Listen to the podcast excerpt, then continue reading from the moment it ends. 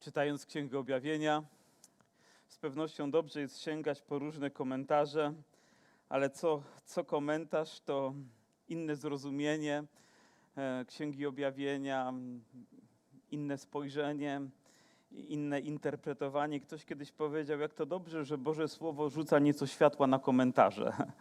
Także podstawą zawsze ma być Boże Słowo i dzisiaj skoncentrujemy się na nim. Jeżeli dzisiaj też postanowiliście mm, przyjść tutaj, to chcę powiedzieć, dobrze zrobiliście z tego powodu, że gdybyście zostali przed swoimi elektronicznymi urządzeniami, to nabożeństwa byście nie oglądali, bo mamy jakieś problemy techniczne, a więc dzisiaj wszystko odbywa się na żywo. Aleluja. Także czujcie się, że jesteście wybrani, pobłogosławieni i wspólnie razem spędzimy tutaj chwilę, pochylając się nad Księgą Objawienia, nad rozdziałem siódmym.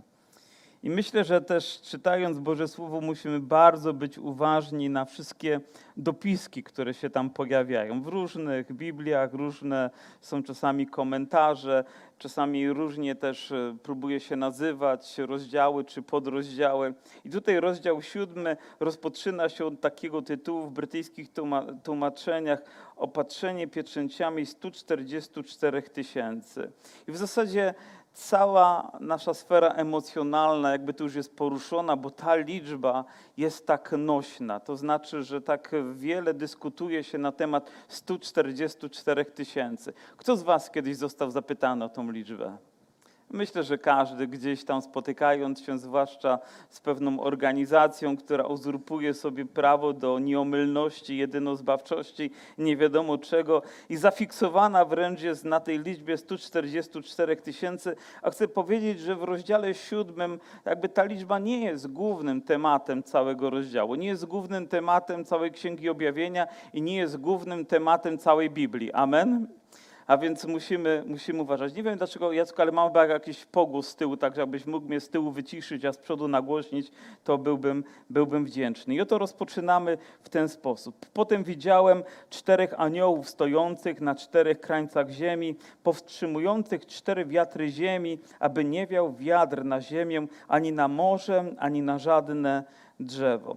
Może tylko jeden wiersz, ale już nam mówi o pewnym spojrzeniu, jakie mieli ludzie w tamtych czasach na zjawiska, które my dzisiaj nazywamy zjawiskami przyrody czy fizyki, która wokoło nas się dzieje. Oni wszystko odnosili do Boga. Oto czterej aniołowie, którzy mają moc, aby powstrzymać wiatry. Dla nas wiatr to wiatr. Dla nas wiatr to ocieplanie się powietrza, oziębianie i ruch, który powoduje, powoduje po prostu powietrze.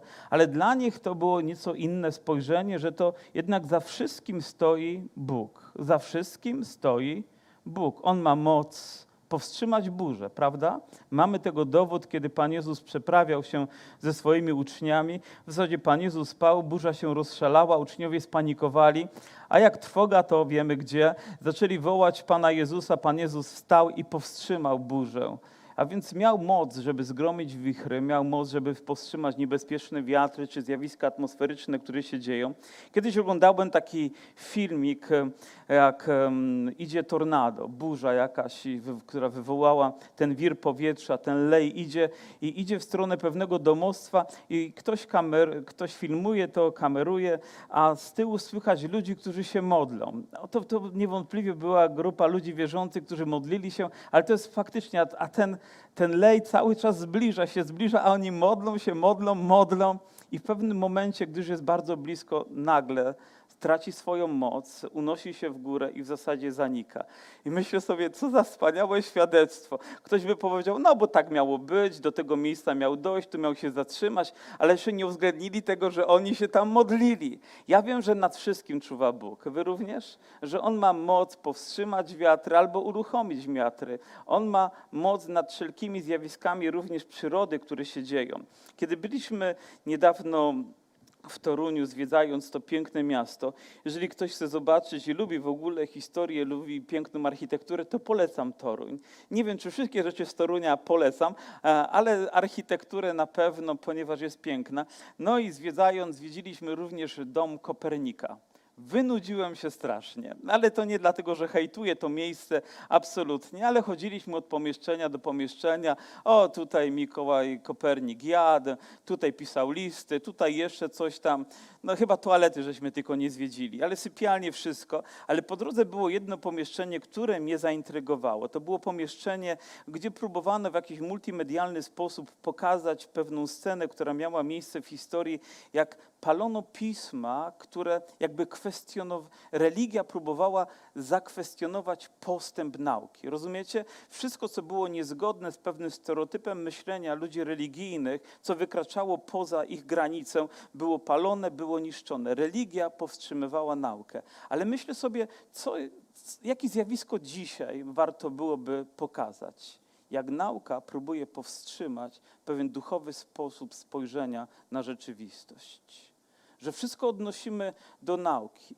Myślę, że wtedy było źle, ale dzisiaj może być jeszcze, jeszcze gorzej. Ja nie kwestionuję postęp, postępów nauki i Bóg myślę, że z tym nie ma problemów, żeby wszystkie prawa, które On stworzył, używać też dla swojej chwały, ale chciałbym, żebyśmy widzieli też w jaki sposób Jan i w jaki sposób tamci ludzie patrzyli na otaczającą ich rzeczywistość. I chciałbym, żebyśmy my również mogli widzieć w naszym otoczeniu Boga, który ma moc powstrzymać, który ma moc coś uruchomić, tylko po to, by nas strzec. I później widziałem też innego anioła wstępującego od wschodu słońca, który miał pieczęć Boga żywego i który zawołał głosem donośnym na czterech aniołów, którym zezwolono wyrządzić szkodę ziemi i morzu, mówiąc: Nie wyrządzaj szkody ani ziemi, ani morzu, ani drzewom, dopóki nie opatrzymy pieczęcią sług Boga naszego na czołach ich. I znowu mamy pewne informacje, na które warto zwrócić uwagę.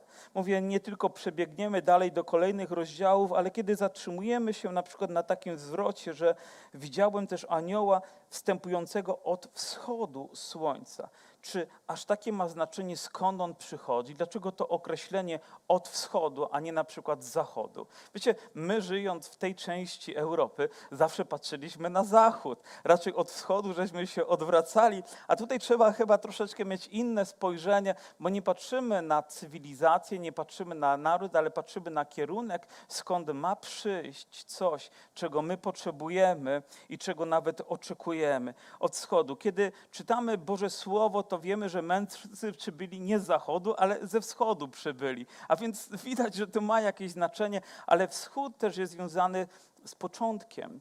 Wschód to tam słońce wschodzi, tam zaczyna się dzień, stamtąd przychodzi światło, stamtąd przychodzi nadzieja, tam się coś budzi do życia. I myślę, że my w ten sposób powinniśmy to również rozumieć, że jest to też ukryta to pewna metafora, pewne, pewne znaczenie to ma dla nas, skąd mamy oczekiwać pomocy. Tam, gdzie jest słońce, tam, gdzie jest światłość, tam, gdzie jest nadzieja i oczywiście wiemy, jak możemy to zinterpretować, który miał pieczęć Boga żywego. I znowu dwa określenia, nad którymi warto się zatrzymać. Po pierwsze, pieczęć. Pieczątka to pieczątka. My ludzie kochamy pieczątki. Ja nie wiem, im więcej pieczęci, to wydaje się ważniejsze jest pismo, prawda? Jak nie jest opieczętowane, to jakby traciło na swoim jakimkolwiek znaczeniu. Ja, mm, kiedy byłem młodym człowiekiem i starałem się o paszport, to żeby dostać paszport, to trzeba było cudu niemalże, ponieważ to losowo, przypadkowo, nie wiem, komuś dano, a komuś nie dano. Tak jakby przepustka na świat. Dzisiaj wystarczy dowód i, i w pewnej strefie możemy poruszać się w sposób nieograniczony wręcz, ale paszport w czasach, kiedy ja byłem młodym człowiekiem, był niezwykle ważny i cenny. I przyjechali Amerykanie i poszliśmy na wycieczkę, o ile dobrze pamiętam, na Śnieżkę. I wiecie, w tych e, miejscach, em, schroniskach były takie pieczątki, które się wbijały na znak, że człowiek tam po prostu był. One nie miały żadnego znaczenia, ale to były takie pieczątki no, okazjonalne, że o, po prostu zdobyłeś Śnieżkę, ba, w takim paszporcie turystycznym można było sobie wbić. A oni nie mieli takich paszportów turystycznych i, i, i, swoje paszporty otworzyli, żeby im tam wbić. Ja mówię, no zwariowali. Mówię, dla mnie taki paszport to byłaby już profanacja po prostu, nie ta pieczęć, nie tutaj, straciłbym go. Ja mówię, co wy robicie? Ja mówię, wal, znaczy mówię, mówię, dawaj tu pieczęć, mówi, nie ma problemu, możemy mieć i taką pieczątkę. Dla nich tak to było traktowane, ale wiecie, może dwa różne stanowiska odnośnie tej samej rzeczy, która jest paszportem. I być może mamy też dwa różne stanowiska, gdy chodzi o to, jakiej my chcielibyśmy pieczęci w naszym życiu. Tak, że niektórzy bezkrytycznie, a cokolwiek to może być podstemplowane, każdy może tam swoją pieczęć włożyć, ale gdy chodzi o nasze serce, paszport to paszport, ale gdy chodzi o nasze życie, to tam jest miejsce tylko na jedną pieczęć. Na jedną pieczęć, która prawdziwie ma dla nas, ludzi wierzących, znaczenia, która mówi własność Boga. Takie pieczęcie były wcześniej na, na pierścieniach, gdzieś na jakimś laku odciskano. Takie pieczęcie były na towarach, które się przemieszczały, które określały, do kogo te towary należą. Ja wiem, że w moim życiu jest tylko miejsce na jedną pieczęć, o której mówi Boże Słowo nie tylko w tym fragmencie, ale też mówi w zasadzie w całej Biblii, że ono jest od Boga, że jest pieczęcią Jego ducha, wyrytym w moim sercu, które mówi własność Pana należy do Boga. I myślę, że właśnie takiej, o takiej pieczęci też mówi jako o pewnym zabezpieczeniu, że gdy mamy tą pieczęć, to mamy również zapewnienie, że Bóg będzie nas w szczególny sposób chronił. I zobaczcie to określenie Boga żywego. Jakiego Boga? Żywego. Zwróćcie na to uwagę, że to określenie pojawia się nie tylko tutaj, pojawia się dość często w Biblii, określające, aby wyróżniające Boga od bóstw. Wiemy, że w tym samym czasie były różne bóstwa, był panteon bóstw. Kiedy Paweł znalazł się w Atenach i zobaczył miasto ogarnięte bałwochwalstwem, to wręcz oburzył się. Później miał bardzo poprawną mowę do nich skierowaną, widział te różne pomniki, różne bóstwa, ale one wszystkie były scharakteryzowane jednym słowem martwe. One nie miały w sobie życia. One były wykute w kamieniu, może wykute w drewnie, wyrzeźbione w drewnie, albo odlane z jakiegoś mm, metalu, ale wszystkie były martwe. Miały oczy, ale nie widziały, miały uszy, ale nie słyszały. Może miały ciało, może miały ręce, ale nie mogły pobłogosławić. Natomiast jest i będzie tylko jeden żywy Bóg. To również dla nas, ludzi wierzących, oznacza, jak ważne jest to, by On zawsze był żywy w nas. Nie mamy Boga, który jest daleki, nie mamy Boga, który jest obcy, nie mamy Boga, który nie reaguje na nasze modlitwy. Nasz Bóg jest Bogiem żywym. Amen. I kiedy narodziliśmy się na nowo, to właśnie tego doświadczyliśmy w naszych sercach, że ktoś, kto kiedyś był rzeczywiście odległy religijnie, w tym momencie, kiedy przyjęliśmy go do naszego serca, stał się żywy.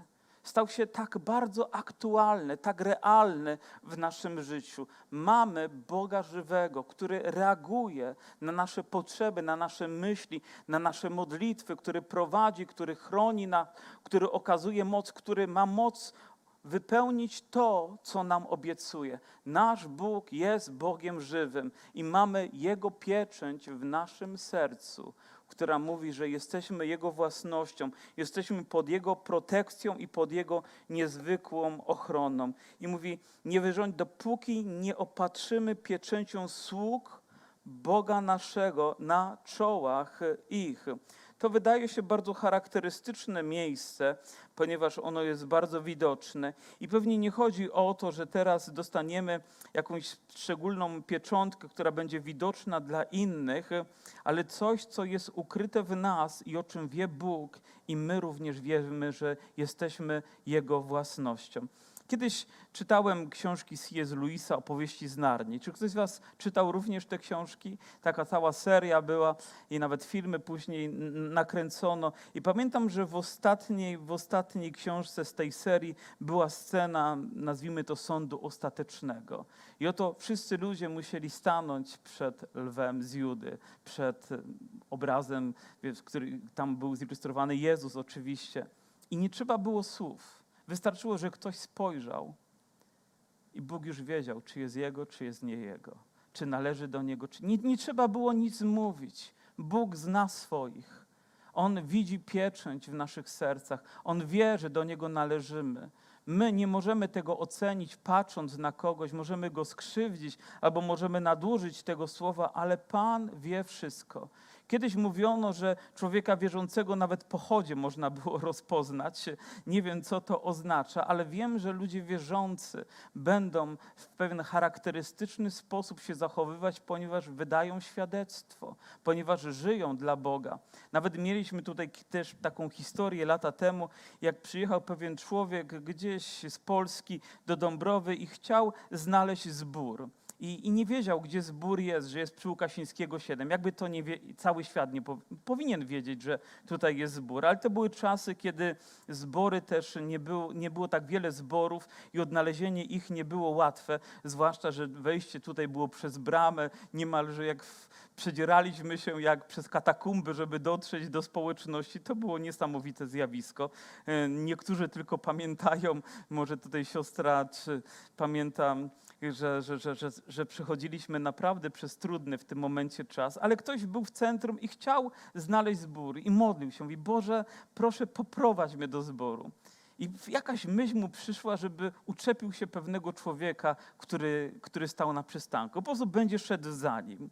Nie wiem, dlaczego ta myśl się zrodziła, ale postanowił. A więc on wsiadł do tramwaju, to ten za nim wsiadł do tramwaju. Wysiadł pod hutą, to ten wysiadł pod hutą. Wszedł do tej bramy, wierzący człowiek, to wszedł za nim do tej bramy, wszedł do tych drzwi, wszedł i znalazł się w zborze. To jest, to jest prawdziwa historia, jak Bóg zna tych, którzy są Jego i potrafi w ponadnaturalny sposób nas poprowadzić, potrafi nas ochronić i doprowadzić do celu.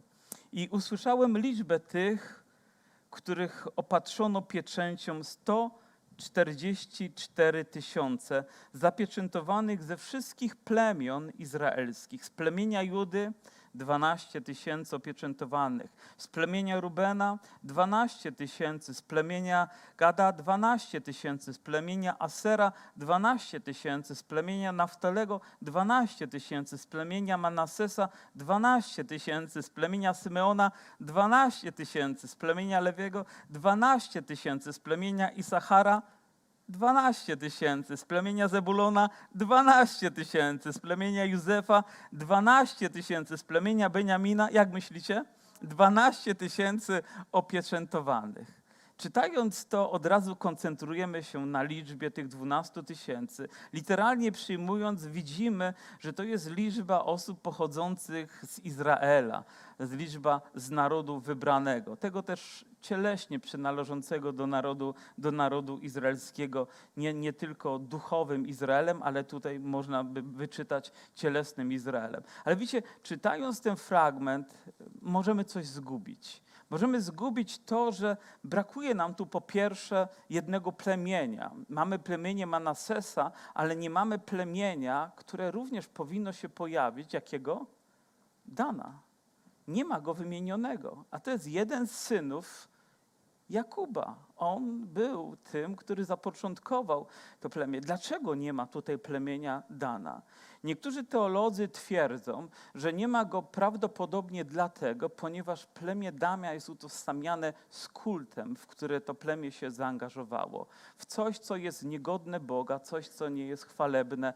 Oni po prostu mieli zbyt duży w tym udział i zostali pominięci. Ale mówię, to jest jedna z interpretacji. Ale jest jeszcze jedna rzecz, która powinna przykuć naszą uwagę, to to, że nie zaczyna się według chronologii. Bowiem tutaj zaczyna się z plemienia Judy. Ale czy Juda był najstarszym z braci? Nie. Ruben był najstarszym, o ile dobrze pamiętam. Później kolejni, ale zaczyna się od Judy. Dlaczego? Bo z Judy pochodzi Chrystus, prawda? A więc zobaczcie, że jakby spojrzenie tutaj jest inne niż to, które nasze ciało, czy nasza kultura, czy nasze doświadczenie, czy cokolwiek innego próbowałoby nam dyktować. A więc koncentrujemy się na liczbie, ale te fakty jakby em, już zostaną pominięte i zostaną niezauważone, a chyba powinny być zauważone i pewnie rodowity Żyd od razu by to odkrył. Niektórzy interpretują ten fragment też tak, że ta liczba po prostu określa wybranych. Nie liczy się tylko 140 tysięcy 4 tysiące, ale fakt, że to jest ogromna, ogromna, bo to jest 12 razy 12 razy tysiąc, a więc tysiące, niezliczone rzesze ludzi, którzy są zbawieni. I że nie dotyczą tylko narodu izraelskiego, ale dotyczą wszystkich, którzy narodzili się na nowo, którzy stali się dziećmi Bożymi, którzy są duchowym Izraelem, którzy mają pieczęć Ducha Świętego przez nowonarodzenie, przez to, że Pan zamieszkał i On dał nam to potwierdzenie wewnątrz naszego serca, że należymy, że należymy do Niego. Ale jakby nie powinniśmy na tej liczbie się zatrzymywać i wokoło niej toczyć boje. Faktem w naszym życiu powinno być to, że my mamy pieczęć, że my należymy do Boga, że Bóg ma moc chronić nasze życie, że On o nas się zatroszczy we właściwym czasie, gdy przyjdzie czas prób i doświadczeń. Amen? A jak zostanie to zrealizowane, jeden Pan Bóg też wie. Widzimy kolejny fragment. Potem widziałem, a oto tłum wielki, którego nikt nie mógł zliczyć z każdego narodu i ze wszystkich plemion i ludów i języków, którzy stali przed tronem i przed barankiem, odzianych w szaty białe z palmami w swych rękach. Niewątpliwie znowu pojawia się temat białych szat i dodatkowo jeszcze palm, stoją przed barankiem i wiemy, że pochodzą z całego świata z każdego narodu, z każdej nacji, z każdego języka, z każdej kultury. Wiecie, patrzę na ten obraz, na ten wielki tłum, który stoi przed barankiem. Tu nie są wymienione denominacje, że oto stoją tutaj protestanci, tu stoją katolicy, tam stoją prawosławni, albo tam jeszcze inni. Tam po prostu stoją Boże dzieci. Tam stoją ci, którzy narodzili się na nowo, ci, którzy otrzymali białe szaty, ci, którzy należą do baranka. Oni mają przywilej tam stać. I skądkolwiek by pochodzili, to również świadczy o tym, że Ewangelia będzie zwiastowana po całym świecie. Nie wiem, czy w tym czasie Jan miał świadomość tego, jak wielka będzie ta misja, ale nawet ten obraz uświadamiał mu to, co Bóg chce uczynić gdzie chce dotrzeć z Ewangelią. Tam, gdzie w tym czasie człowiek nawet jeszcze nie mógł dotrzeć i może nawet nie miał świadomości, że tam są ludzie, którzy będą w potrzebie, albo gdyby na nich patrzył, to powiedziałby: O, oni nigdy nie przyjmą Ewangelii ze względu na kulturę, ze względu na przeszłość, ze względu na pogaństwo, w którym żyli, na kult, którym byli ogarnięci. Nie, Bóg ma wszelką moc i dotarł. Już pierwszego wieku wiemy, że Kościół dotarł bardzo daleko. Niektórzy nawet twierdzą, że dotarł do Indii i że tam zwiastował Ewangelię i nie było to z pewnością łatwe, ale było zrealizowane dzięki Bożej mocy. Ale gdziekolwiek Ewangelia docierała, tam powstawali ludzie wierzący, tam rodziły się e, serca dla Boga i tam ludzie otrzymywali białe szaty. Biała szata również symbolizuje zwycięstwo, jakie odnosimy. I palmy, które mamy, również są palmami zwycięstwa, witającymi, chwalącymi Boga, który dokonał w nas wielkiego dzieła. I wołali głosem donośnych, mówiąc: Zbawienie jest u Boga naszego, który siedzi na tronie i u baranka. Wołali jak? Donośnym głosem. Wołali jak? Donośnym głosem. My modlimy się, Panie, tego, co w niebie chcemy na ziemi, prawda? I kiedy widzę kulturę nieba, to widzę kulturę uwielbienia, to widzę rzesze ludzi, którzy wołają, którzy ogłaszają zbawienie, które jest u baranka. A gdy schodzimy na ziemię i przychodzimy do kościoła, może widzimy milczenie, może widzimy poprawność, ale chciałbym widzieć ten sam entuzjazm, to samo zaangażowanie, bo przecież i my zostaliśmy zbawieni, i nam duchowo zostały dane białe szaty, i my trzymamy w rękach gałązki palmowe, prawda? Ponieważ zbawienie było, jest i będzie u Boga naszego. Mówimy też o aktualności tego dzieła. Ono nie tylko kiedyś działało, gdy Jezus, ale każdego dnia, gdy Ewangelia jest zwiastowana, to dzieło zbawienia wykonuje się. Nie ma w nikim innym zbawienia, mówi, mówią dzieje apostolskie 4:12. Ono tylko jest w Jezusie Chrystusie, naszym Panu. Tylko On może to uczynić w ponadnaturalny sposób w naszym, w naszym sercu. A więc wołajmy do Boga. Nie, nie milczmy tylko, ale wykrzykujmy, że zbawienie jest również naszym udziałem, że należymy do Boga. Powinniśmy to proklamować, a zwłaszcza wtedy, gdy jesteśmy razem, gdy zbiera się zgromadzenie ludzi świętych. Ono powinno być scharakteryzowane tak, jak wygląda atmosfera nieba, pełnym niemal wrzawy uwielbieniem dla, dla Boga kiedy mieliśmy spotkanie mo- modlitewne, to powiedziałem coś, co chyba jest mi też bliskie, że nie chciałbym, żeby ludzie tylko byli uczestnikami, ale takimi wojownikami w spotkaniu modlitewnym. Żebyśmy nie tylko przyszli i biernie przetrwali przez godzinę czy dwie nabożeństwa, ale żebyśmy byli zaangażowani całym naszym sercem i ogłaszali, kiedy jest czas uwielbienia, to oczekuję, że nawet ściany będą rezonować tym uwielbieniem, ponieważ to jest w naszych sercach i chodzi o to, żeby teraz nasze usta mogły to ogłosić, wyznając, że zbawienie jest. To znakiem tego, że i ja dzisiaj jestem zbawionym człowiekiem. Nieprawdopodobnie, nie w domyśle, ale jest to prawdą, na temat której nikt z nas nie powinien milczeć. I robimy to uwielbiając i wywyższając Jezusa. Już chciałbym usłyszeć, jak ten tłum jednogłośnie krzyczy: Zbawienie jest u naszego Boga. A wszyscy aniołowie stali wokoło tronu i starców i czterech postaci i padli przed tronem na twarzy swoje i oddali pokłon Bogu, mówiąc Amen, błogosławieństwo i chwała i mądrość i dziękczynienie i cześć i moc i siła Bogu naszemu na wieki wieków. Amen. I odezwał się jeden ze starców i rzekł do mnie, któż to są ci przyodziani w szaty białe i skąd przyszli? I rzekłem mu, Panie mój, Ty wiesz. A on rzekł do mnie: To są ci, którzy przychodzą z wielkiego ucisku i wyprali szaty swoje i wybielili je we krwi baranka. Myślę, że niezwykle ważny fragment, istotny dla nas. Oto zbawienie jest ogłoszone. Widzi ten wielki tłum ludzi, którzy są odziani w białe szaty.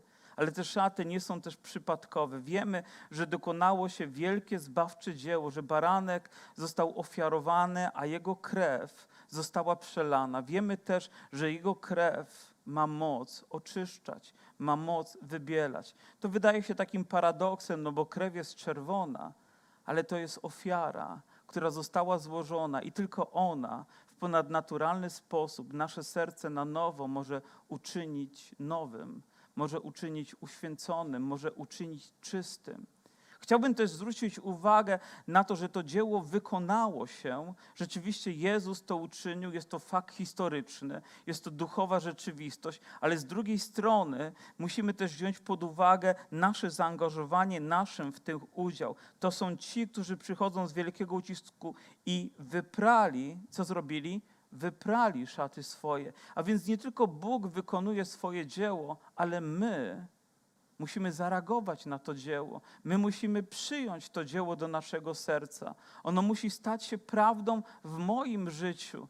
Nie tylko coś teoretycznie Bóg czyni i to automatycznie działa, ale było to prawdą ale również mój udział w tym jest taki, że ja staję przed Bogiem, ja otwieram moje serce i ja wychodzę z moją najgłębszą potrzebą. Panie, tylko Ty możesz oczyścić moje serce. Widzimy tutaj prawdę, która mówi, że tylko ofiara Jezusa Chrystusa jest jedyną i wystarczającą, aby człowiek był zbawiony i oczyszczony. Co do tego nie mamy wątpliwości. Widzimy też aktualność tej ofiary, łamiąc przekleństwo przeszłości, uwalnia nas od mocy grzechu, dzisiaj czyni nas nowymi ludźmi i dzisiaj możemy żyć dzięki Jego łasce i mocy.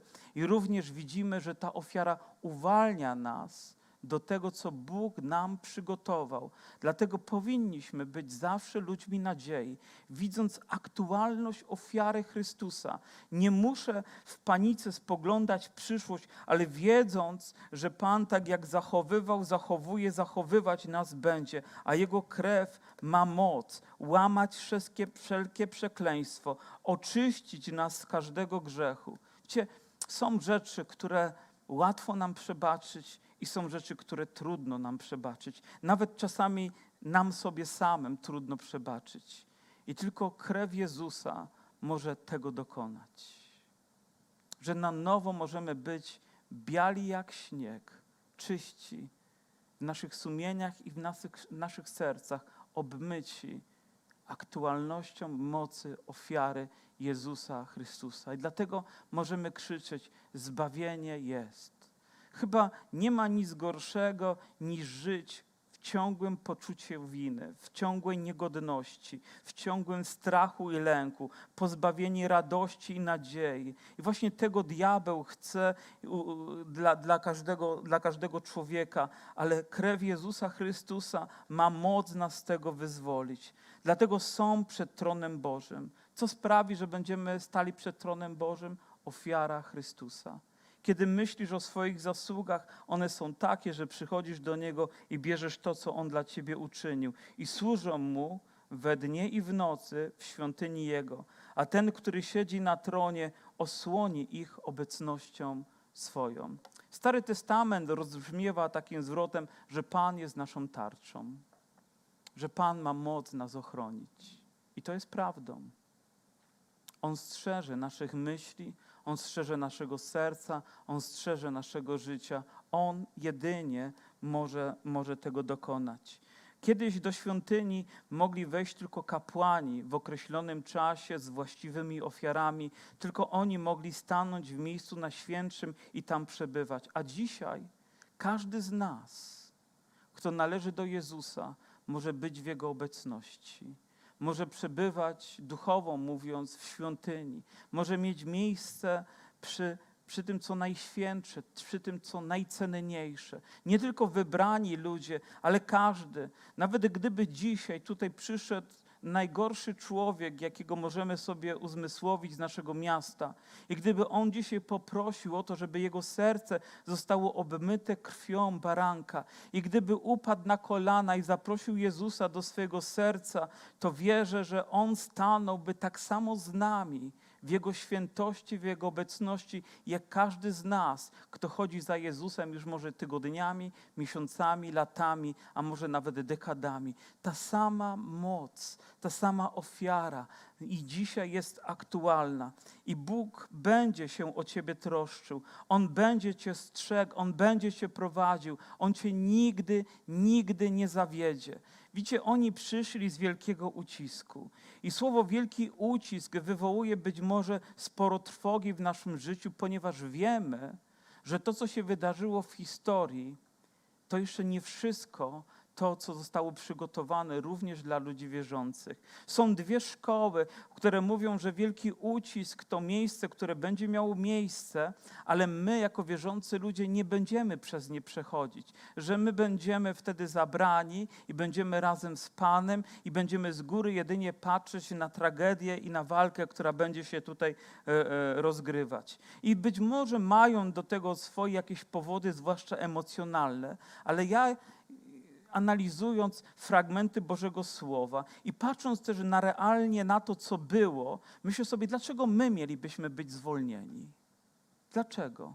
Dlaczego mamy być bardziej uprzywilejowani niż na przykład ci, którzy przechodzili prześla- prześladowanie? Myślę, że do jakiegoś stopnia my wszyscy, jeżeli dożyjemy tych czasów, będziemy musieli przejść przez wielki ucisk.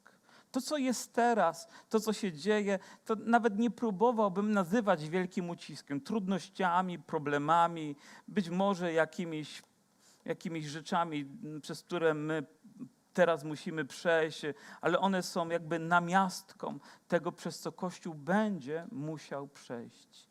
I wiecie, bez Boga, bez Jego obecności, bez Jego pieczęci, nikt z nas sobie nie poradzi. Nikt z nas nie będzie miał na, ty, na tyle siły woli, charakteru lub czegokolwiek innego, by zmierzyć się z tym, co zostało przygotowane. Tylko dzięki Niemu. Być może nawet codzienne życie rzuca nam wyzwania, które dla nas są bardzo ciężkie, ale Bóg mówi: Ja jestem Twoją ochroną, ja będę Cię strzegł. Dlaczego? Ponieważ oddałem za Ciebie swoje życie, dlatego, że zostałeś obmyty w mojej krwi, dlatego, że jesteś moim dzieckiem, dlatego, że pieczęć własności jest w, Twoim sercu, e, mówiąca, że należysz do Boga Wszechmogącego. Bóg ma moc o Ciebie się zatroszczyć. Wielu ludzi zadaje sobie pytanie, co będzie z Kościołem, jak on będzie wyglądać za rok, za miesiąc, czy za może wiele lat. Ja mówię, wiem jedno, że Bóg powiedział, że On rozpoczął w nas swoje dzieło i będzie je kontynuować. Bóg powiedział, że bramy piekielne nie przemogą Kościoła, ponieważ należymy do wszechmogącego Boga. Prawda, że tak? I On zatroszczy się o nas i mówi, i mówi tak, nie będą już łaknąć ani pragnąć, i nie padnie na nich słońce ani żaden upał, ponieważ baranek, który jest pośród tronu, będzie ich pas. Prowadził do źródeł żywych wód i otrze Bóg wszelką łzę z ich oczu. Ktoś czytając ten fragment powiedział, jak powinniśmy interpretować go. Czy to znaczy, że duchowo mamy myśleć o tym, że nie będziemy łaknąć ani pragnąć? Ale w tym czasie, kiedy Jan żył, ludzie naprawdę fizycznie byli głodni i spragnieni. A Bóg miał moc o nich się zatroszczyć. Ale również prawdą jest to, że wewnątrz człowieka jest głód i pragnienie, którego nikt i nic nie ugasi, dopóki nie pojawi się tam Boża obecność. Możesz przeżyć życie, próbując go urozmaicać sobie, albo próbując szukać szczęścia w różnych religiach, w różnych doświadczeniach, ale wciąż będziesz pustym i głodnym człowiekiem, dopóki nie przyjdzie Jezus. I myślę, że tą prawdę wy również odkryliście w waszych sercach. Byliście zgłodniałymi ludźmi, wyjałowionymi wewnątrz, aż bolało, ale gdy przyszedł Chrystus, nawet w tej jednej chwili, gdy narodziliście się na nowo, przyszło tak wielkie szczęście, przyszła tak wielka ulga do naszego serca, że nie sposób tego opisać słowami. Dlaczego? Bo pojawił się Jezus ze swoją ofiarą i ze swoją mocą i On nasycił nas. On nakarmił nas, On napoił nas, On sprawił, że troski już nie miały takiego dominującego znaczenia, by ciągle nas zgniatać i zgniatać, jak gdzieś w imadle orzecha próbuje się zgnieść, ale staliśmy się Bożymi dziećmi, chronionymi Jego łaską i mocą, oczekującymi tego, co z nieba, nie tylko tego, co z ziemi. I Bóg obiecał swojemu Kościołowi, że będzie razem z Nim. Ta wizja nieba nie tylko ma nas przenieść w przyszłość, mówiąc o tym, co będzie, co jest absolutnie prawdą, ale również o tym, że w każdym czasie i w każdej sytuacji jesteśmy pod ochroną Najwyższego, że dzisiaj Jego ofiara jest aktualna w moim życiu. I ja nie mogę Wam powiedzieć, o moje siostry, moi bracia, dzisiaj jest dobrze, a jutro będzie jeszcze lepiej. Możesz być doświadczonym, możesz być uciskanym, możesz być poddany wielkiej próbie, ale wciąż będziesz należeć do żywego, świętego Boga, który będzie o ciebie się chronił. Być może twoje ciało będzie bolało i krzyczało o ratunek, ale twój duch będzie pełen pokoju i nadziei, ponieważ Jezus Chrystus to zagwarantuje w twoim życiu swoją obecnością i swoją mocą. Kiedyś słuchałem pewnego kaznodziei, jak opowiadał historię, prawdziwą historię. Wyjechali gdzieś z misją do jakiegoś kraju, już nawet nie pamiętam nie ma to znaczenia. I zazwyczaj w krajach zachodnich było tak, gdy robiło się wezwanie podczas ewangelizacji, no to jedna osoba, dwie, trzy się nawróciło, a to była sala kinowa wypełniona po brzegi ludźmi. Zwiastowali prostą Ewangelię, mówiącą o Bożej miłości, o Bożej łasce i dobroci, o zbawieniu, jak jest w Jezusie. I na końcu zrobili wezwanie i powiedzieli, kto chce przyjąć Jezusa, niech podniesie rękę. Wszyscy podnieśli, całe kino, powiem, jak las rąk w górze. I wtedy kaznodzieja mówi, nie, nie, nie, nie, mówi, opuśćcie ręce, nie rozumiecie mnie. Mówi, jeśli naprawdę przyjmujecie Jezusa, jeżeli otwieracie dzisiaj serce, podniesie, znowu wszyscy podnoszą. Mówi, chyba znowu nie rozumiecie. Chrześcijaństwo nie będzie łatwe. Będziecie też żyli w doświadczeniach, w próbach i w troskach. Czy ktoś jeszcze chce przyjąć? I znowu cały las rąk w górze. Wiecie, kiedy Bóg rozpoczyna swoje dzieło, to żadne trudności nas nie zatrzymają. Jeżeli Pan jest ze swoim kościołem, to nic nas od Niego nie odłączy. Nawet ucisk, ani choroba, ani trudności rodzinne, ani praca, ani ekonomia, ani polityka nie jest w stanie odłączyć nas od Boga, od Jego miłości. Bóg dzisiaj jest w Twoim sercu, jest w moim życiu. I dzisiaj my, jako Kościół, możemy re- zareagować na Jego obecność, mówiąc: Zbawienie jest u naszego Pana. On jest godzien, abyśmy Go błogosławili, ogłaszali Jego moc, Jego chwałę i Jego panowanie w naszym życiu. I nie wiemy, co nas czeka jutro, ale wiemy, kto z nami będzie. Wiemy, że Jezus Chrystus nas nie zostawi, nie opuści. Amen. Że On zatroszczy się o nas. I nawet zatroszczy się o tą potrzebę, w której byłeś i w której może obecnie jesteś. O sytuację, przez którą przechodzisz, ponieważ masz wszechmogącego Boga, który będzie cię chronił. Czy pamiętacie jeszcze liczbę 144 tysiące? Jak widzicie, ona nie ma tutaj tak kluczowego znaczenia, jak pozostała część tego rozdziału. Jest ważna, jest bardzo ważna. Mówi o wybranych, mówi o powołanych, mówi o zapieczętowanych, mówi o Bożej ochronie, ale wierzę, że w tej liczbie wybranych, zapieczętowanych i chronionych jestem również ja i jesteś Ty, ze względu na Jezusa, który oddał za nas swoje życie, aby uczynić nasze życie oczyszczonym, uświęconym i przygotowanym pod Jego ochroną na to, co będzie. Bóg był, jest i będzie ze swoim Kościołem. Był i jest i będzie razem z Tobą. Może boisz się, może lękasz się, po prostu zaufaj Bogu, a On o Ciebie się zatroszczy. Jak tylko Bóg potrafi zatroszczyć się o swoje dzieci, mówi i otrę wszelką łzę. Wiecie, to znaczy, że czasami łzy się pojawiają. Czy płakałeś już jako człowiek wierzący? Ponieważ bolało. Ale czy nie doznałeś również pocieszenia, które Bóg przyniósł? I nawet myślałeś, o po co ja płakałem? Ponieważ to bolało, ponieważ to było trudne. Ale Bóg mówi, otrę wszelką łzę. Otrę, ponieważ was kocham i nigdy was nie zostawię. Godzien jest baranek przyjąć cześć. Amen. Godzien jest, byśmy do Niego zawołali. Godzien jest, byśmy Go uwielbili, ponieważ zbawienie jest u naszego Pana. Dziś i na wieki należymy do Niego i pewnego dnia będziemy razem z Nim. Odnośnie jeszcze tej liczby, to słyszałem ten, ten żart chrześcijański, który mówi o tym, kto będzie w tej liczbie. I ktoś pyta, czy będą tam katolicy? Ktoś mówi, nie, nie będzie. Czy będą, pytali oczywiście wierzącego człowieka, czy, będzie, czy będą tam ewangelicy? Nie, nie będzie ewangelików. Czy będą zielonoświątkowie? Nie, nie będzie zielonoświątków. Czy będą baptyści? Nie, nie będzie baptystów. Czy będą Chrystusowi? Chodzi o den- denominację.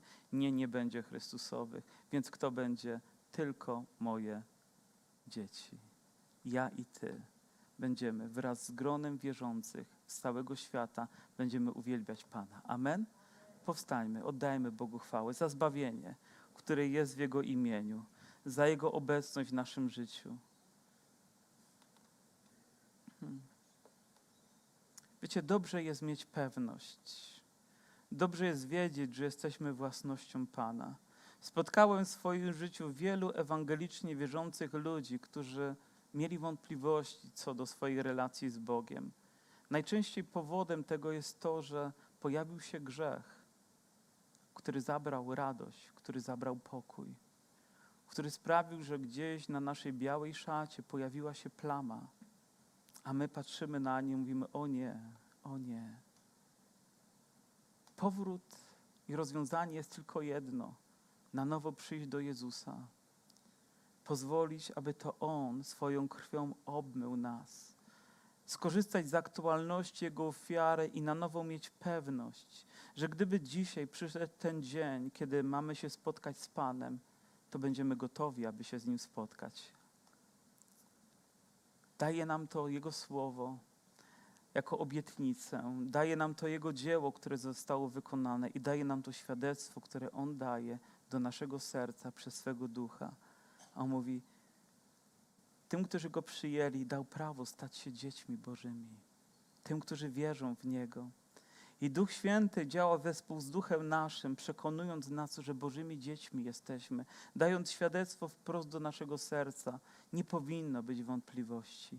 Moja siostro, mój bracie, powinieneś cieszyć się wybawieniem. Jeżeli tak nie będzie, nie będziesz śpiewał pieśni chwały dla Boga. Twoje serce zawsze będzie przygaszone, Twoje usta będą zamknięte, Twoja radość będzie ograniczona. Potrzebujesz wiedzieć, że jesteś Bożym dzieckiem i mówić: Zbawienie Jezu, Boga mojego. Jestem zbawionym człowiekiem. Jezus Chrystus jest moim Panem. Amen. Zawołajmy. Nie tylko ja chcę się pomodlić, ale chcę, żebyśmy jako Kościół pomodlili się jak tam w niebie, ogłaszając Jego zbawienie Jego dzieło w naszym życiu. Ale nim to zrobimy, chciałbym pochylić jeszcze nasze głowy na chwilę i spytać, kto z Was dzisiaj potrzebuje modlitwy? Kto z Was dzisiaj chce mieć tą pewność, że gdy stanie, będzie razem z Panem? Niech się Pan błogosławi. Niech się Pan błogosławi, niech się Pan błogosławi. Czy ktoś jeszcze? Niech się Pan błogosławi. Czy ktoś jeszcze? Czy ktoś jeszcze? Czy ktoś jeszcze? Panie Boże, dziękujemy Ci za to, że dane nam jest poznawać Twoje słowo i rozkoszować się, Panie, każdym słowem, które pochodzi z ust Twoich. Panie, dziękujemy Ci za nadzieję, którą ono przynosi do naszego serca. Panie, zapewniając nas, że nawet w uciskach i w doświadczeniach nie jesteśmy sami, ponieważ jesteśmy własnością wszechmogącego Boga. Panie, dziękujemy Ci, że nasze serca należą do Ciebie. To Ty je zbawiłeś, to Ty, Panie, obmyłeś je swoją krwią. To Ty uczyniłeś je wolne od przekleństwa i od grzechu. Panie, abyśmy należeli całym sercem do Ciebie. Panie, dziękujemy Ci, że uwolniłeś naszego ducha, abyśmy nie żyli tylko w strachu i niepewności, ale z nadzieją oczekiwali Twojego powtórnego przyjścia. Panie, gdy usłyszymy odgłos trąb, nie będziemy musieli drżeć ani chować się w rozpadlinach skalnych, ale będziemy mogli wyjść jako Twoje dzieci na spotkanie z Tobą. Panie, ponieważ jesteśmy własnością wszechmogącego Boga, dlatego że Twoja ofiara wciąż jest aktualna każdego dnia w naszych sercach. Panie, zbawienie nie tylko było, ale ono jest i będzie, Panie. I dziękujemy Ci za czas łaski, który nam dałeś. Panie, że możemy go wykorzystywać na takie zgromadzenie jak to. Panie, by budować się Twoim słowem, by uwielbiać Twoje imię, by rozpalać nasze serca. Panie, nie chcemy tylko żyć troskami doczesności, ale chcemy, Panie, żyć wizją tego, co przygotowałeś dla każdego swojego dziecka. A i tutaj, Panie, przychodzisz w mocy, aby zatroszczyć się o nas, aby przygarnąć tam swoim ramieniem miłości, Panie, i powiedzieć, jak cenni jesteśmy w Twoich oczach, jak drodzy jesteśmy, skoro tak wielkie dzieło wykonałeś dla nas. Panie, kiedyś dla mnie świadomość bycia w kościele, społeczności była abstrakcją, ale dzisiaj jest czymś, bez czego nie mogę żyć, Panie, we dnie i w nocy. Panie, należę do Ciebie i chcę przebywać w Twojej obecności i chcę przynosić Tobie chwałę i służyć Tobie, Panie, tak jak potrafię, najpiękniej i najlepiej, wysławiając Twoje imię. Ale dzisiaj, Panie, ponad wszystko możemy ogłosić to, co ogłasza niebo, że zbawienie jest, Panie, w Tobie, w naszym Zbawicielu. Zbawienie należy do Boga Wszechmogącego i chwała Ci za to, że udziałem, Panie, są serca ludzi, którzy tutaj są zgromadzeni. Panie, a niepewność rozwiej dzisiaj, grzechy przebacz. Niech Twoja krew, Panie, i dzisiaj w mocy swojej oczyści Oczyści nas, Panie, uwolni, uzdrowi naszego ducha. O, to tego oczekujemy. Panie, niech moc Twoja i teraz objawi się i przynosi nadzieję do naszych serc. Aleluja, aleluja, Panie. Błogosławione niech będzie Twoje imię. Błogosławione, błogosławione, Panie. Błogosławione. Dziękujemy Ci, Panie, że nawet przez ucisk tylko Ty masz moc przeprowadzić swój Kościół. Tylko Ty, tylko Ty. O, chwała Ci, Jezu, niech będzie. Amen.